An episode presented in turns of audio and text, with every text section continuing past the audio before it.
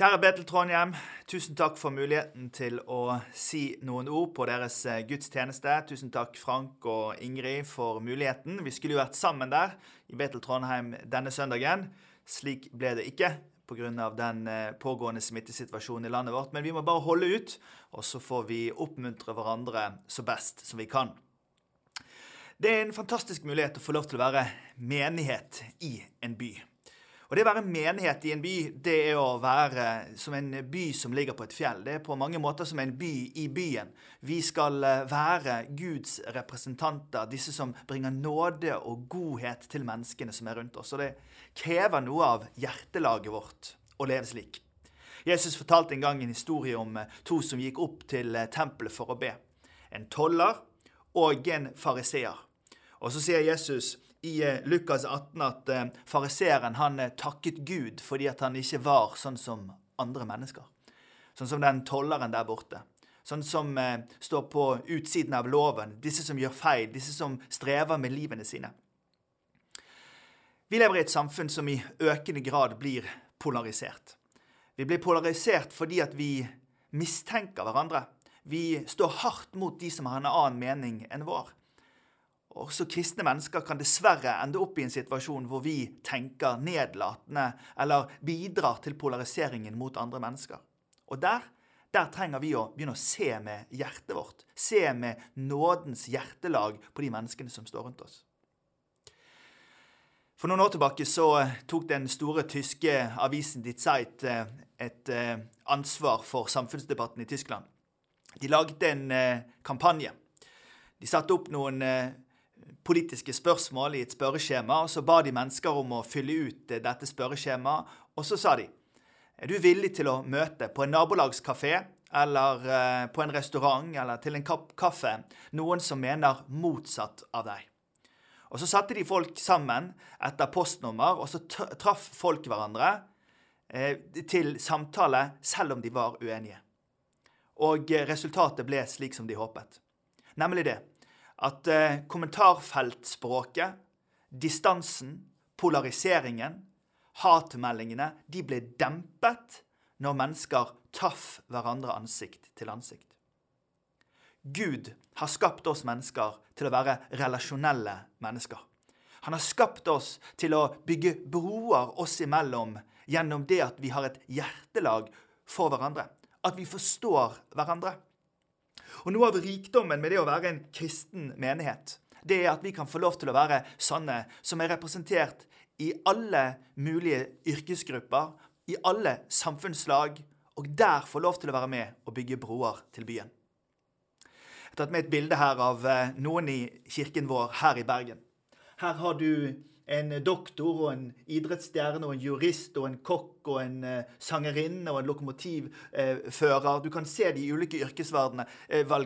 Her er et moderne nattverdenbilde. Og vet du, vi er de moderne disiplene, og vi kan få lov til å bygge broer til den byen som vi bor i, ved at vi er til stede med et hjertelag av nåde og fred for mennesker. Det betyr ikke at vi på noen som helst måte skal kompromisse på det vi tror på. For evangeliet det er tydelig, og det er klart. Og det er mange både moralske eh, og etiske prinsipper som vi skal stå for med rak rygg i det samfunnet vi lever i. For det skal være plass til alle i et liberalt samfunn. Men vi trenger å ha med oss det hjertelaget av at ikke vi mistror de som mener annerledes enn oss. Pastor Rick Warren han er en av de mest innflytelsesrike pastorene i hele verden, og han sier det på denne måten. At vår kultur har akseptert to store løgner. Den første er at hvis du er uenig med noen i sin livsstil, så eh, må du frykte dem eller hate dem. Den andre er at hvis du er glad i noen, så må du være enig med alt de sier og gjør. Begge er uriktig.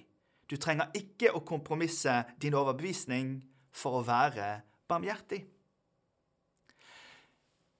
Pastor Rick Warren griper vår kulturs store utfordring. Nemlig det at når vi lever i et liberalt samfunn som vårt, ja, så vil mennesker velge annerledes enn sin neste. Men da er det nestekjærlighetsbudet gjelder for oss som er kristne. Nemlig at vi viser barmhjertighet og godhet også overfor dem som ikke tror sånn som vi tror. Og jeg er overbevist om at eh, Betel Trondheim, og Salt i Bergen og Philadelphia i Oslo, uansett hva menigheten måtte hete, eller byen der vi bor, så kan vi få lov til å være slike som er sendt ut av Jesus til å bety en forskjell på vårt sted. Når Jesus sendte ut disiplene sine, en stor gruppe, i eh, Lukas kapittel 10, vi skal straks lese den teksten, så er det noen prinsipper der om hvordan meg og deg kan bevege oss blant de som ikke nødvendigvis deler våre meninger om alt mulig. Han sier, 'Gå av sted. Jeg sender dere som lam blant ulver.' Ta ikke med dere pengepung, ikke veske eller sko. Stans ikke på veien for å hilse på folk. Men når dere kommer inn i et hus, skal dere først si 'Fred være med dette hjemmet'. Og bor det et fredens menneske der, så skal freden hvile over ham. Hvis ikke, skal den vende tilbake til dere selv. Bli boende i huset og spis og drikk det de byr dere, for en arbeider er verd sin lønn. Flytt ikke fra hus til hus. Og når dere kommer inn i en by og de tar imot dere, spis det de setter fram for dere. Denne teksten viser oss at Jesus ber oss om å gå med et helt nytt sett med verdier til den verden som vi går med. Johannes, oppen, uh, unnskyld, Johannes evangelium har misjonsbefalingen oppsummert i disse enkle ordene Som Far har sendt meg, så sender jeg dere. I Johannes 2021 så sier han at vi kan få lov til å være slike som er sendt til den byen, til det stedet som vi er. Først snakker han om eh, at vi ikke skal ta med pengepung, at ikke vi skal ta med væske. Og Enkelte de eh, anklaget Jesus og, og hans disipler for å være kynikere, eller som hundefilosofene som beveget seg rundt på den tiden som Jesus levde. De eh, sa de at rikdom det er ikke noe vi finner i denne verden, rikdom, det er noe vi har fra en annen verden. Og Kanskje er det også noe vi skal ta med oss, vi som er kristne i verdens rikeste land. Vi som opplever all denne velferden. At fremst i det vi snakker om, er ikke nødvendigvis de materielle godene som vi får lov til å ha, den ytre rikdommen. Men vi kan få lov til å gå gjennom livet vårt med et verdisett som gjør at vi snakker om den indre rikdommen. Evangeliets sannhet den, den kristne livsanskuelsens rikdom i møte med de menneskene som er rundt oss. Jeg tror at alle disse du så på bildet først her, er aktive medlemmer i kirken vår, som står i ulike yrkesgrupper. Men tenk hvis det ikke er identiteten av yrket. Det er heller ikke identiteten av velstanden, men det er identiteten av at jeg er et Guds barn. Det er det som er min verdi, og det er den verdien jeg får lov til å være med og bringe til andre mennesker. Og så sier eh, Jesus at når dere kommer til et hus, så skal dere først si 'fred være med dette hjemmet'. Dette begrepet fred det har vi med oss gjennom hele Det gamle testamentet, shalom. Og Fred det er langt mer enn fraværet av konflikt. Fred det er nærværet av en ånd av forsoning. Det er lykkeønskingen. Det er det at man ønsker at de menneskene som eh, en lever blant, også de som ikke tror, skal få lov til å oppleve framgang økonomisk og ha mental helse, fysisk helse, og oppleve at de har et godt liv. Jesus ba, eh, unnskyld, Gud ba israelsfolket når de var i Babylon, om nettopp å be om fred for det landet og det folket som de var blant. Du skjønner, Guds nåde strekker seg langt utover bare de som er hans folk. Gud elsker en hel verden. Og han vil at når vi går på arbeidsplassen på sykehuset, eller vi legger rør, eller vi eh, er på brakka for å bygge et eh, veianlegg, eller om vi er ute på en oljeplattform eller vi underviser i et klasserom, så vil han at eh, det skal være et folk som vil godt for de menneskene som er rundt oss. Velsignet er Trondheim, som har en hel gruppe i Betel som har bestemt seg for at vi på vår arbeidsplass, i vårt nabolag og vår familie, vi skal være sånne som bringer fred. Og så sier han, bli værende i huset, og drikk det de byr dere. To ganger i denne korte teksten så snakker Jesus om at vi skal spise det som blir satt foran oss. For i måltidsfellesskapet så ligger det veldig mye mer enn bare næring til kroppen. I måltidsfellesskapet så ligger det en bekreftelse av den man er gjest hos. Det ligger en anerkjennelse av et annet menneske sin kultur og deres smak og deres vaner.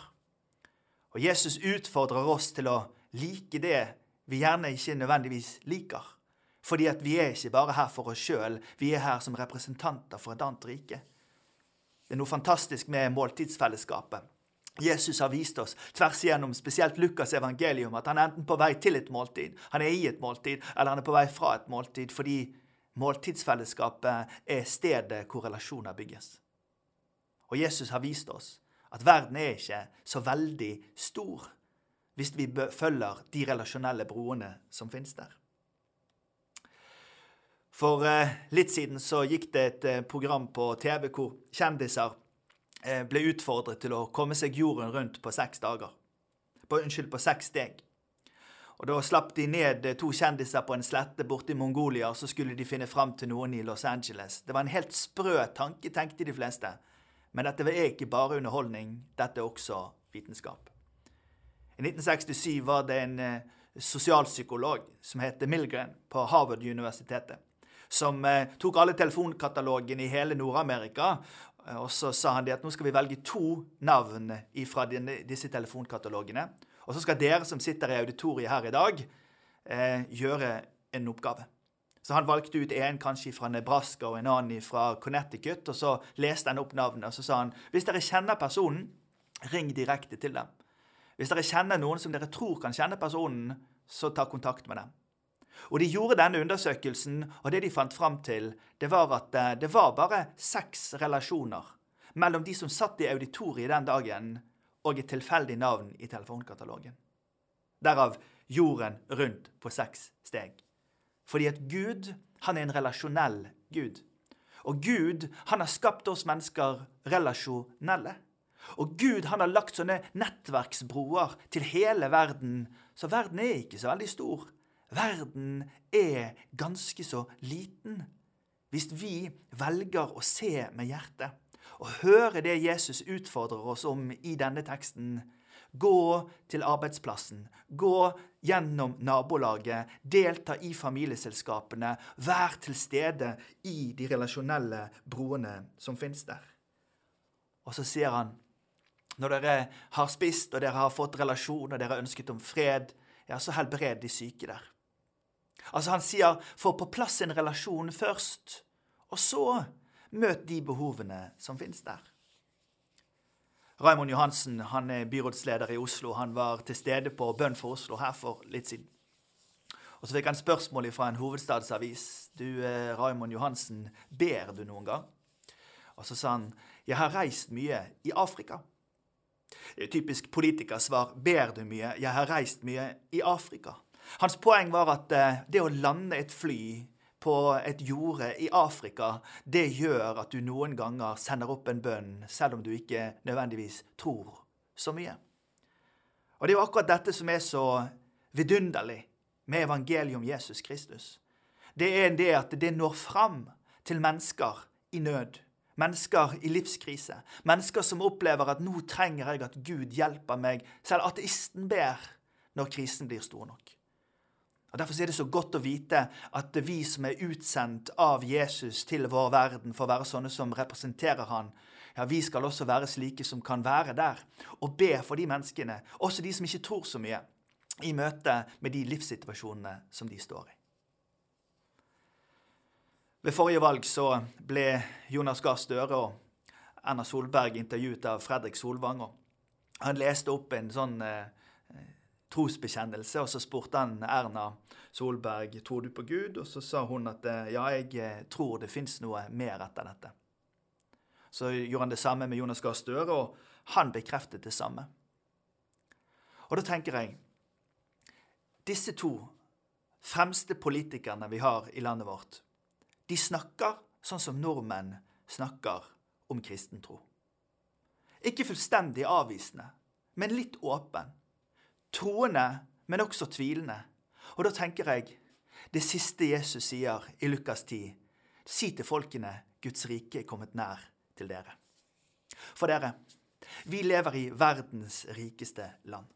I 2000 år med kirkehistorie så har Kirken hatt oppturer og nedturer. Så har det vært avvisning, men så har det vært sterk tro igjen. Og det Jesus utfordrer oss til å gjøre i en tid som denne, det er å være sånne vanlige folk som går på arbeidsplassene våre, som, eh, som oppdrar familiene våre, som tar hånd om våre eldre foreldre og våre barn og våre naboer, men gjør det med et hjertelag av nåde overfor menneskene som er rundt oss. For hva vet vi om hva Den hellige ånd gjør i livene til de menneskene som er rundt oss?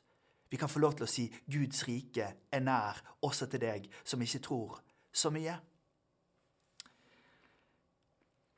Tolleren i Jesu fortelling, som jeg nevnte i begynnelsen, han sto langt unna og ville ikke engang eh, løfte blikket mot himmelen, men slo seg for brystet og sa, Gud, vær meg synder nådig. Jeg sier dere, tolleren gikk hjem rettferdig for Gud, den andre ikke. For hver den som setter seg selv høyt, skal settes lavt, og den som setter seg selv lavt, skal settes høyt.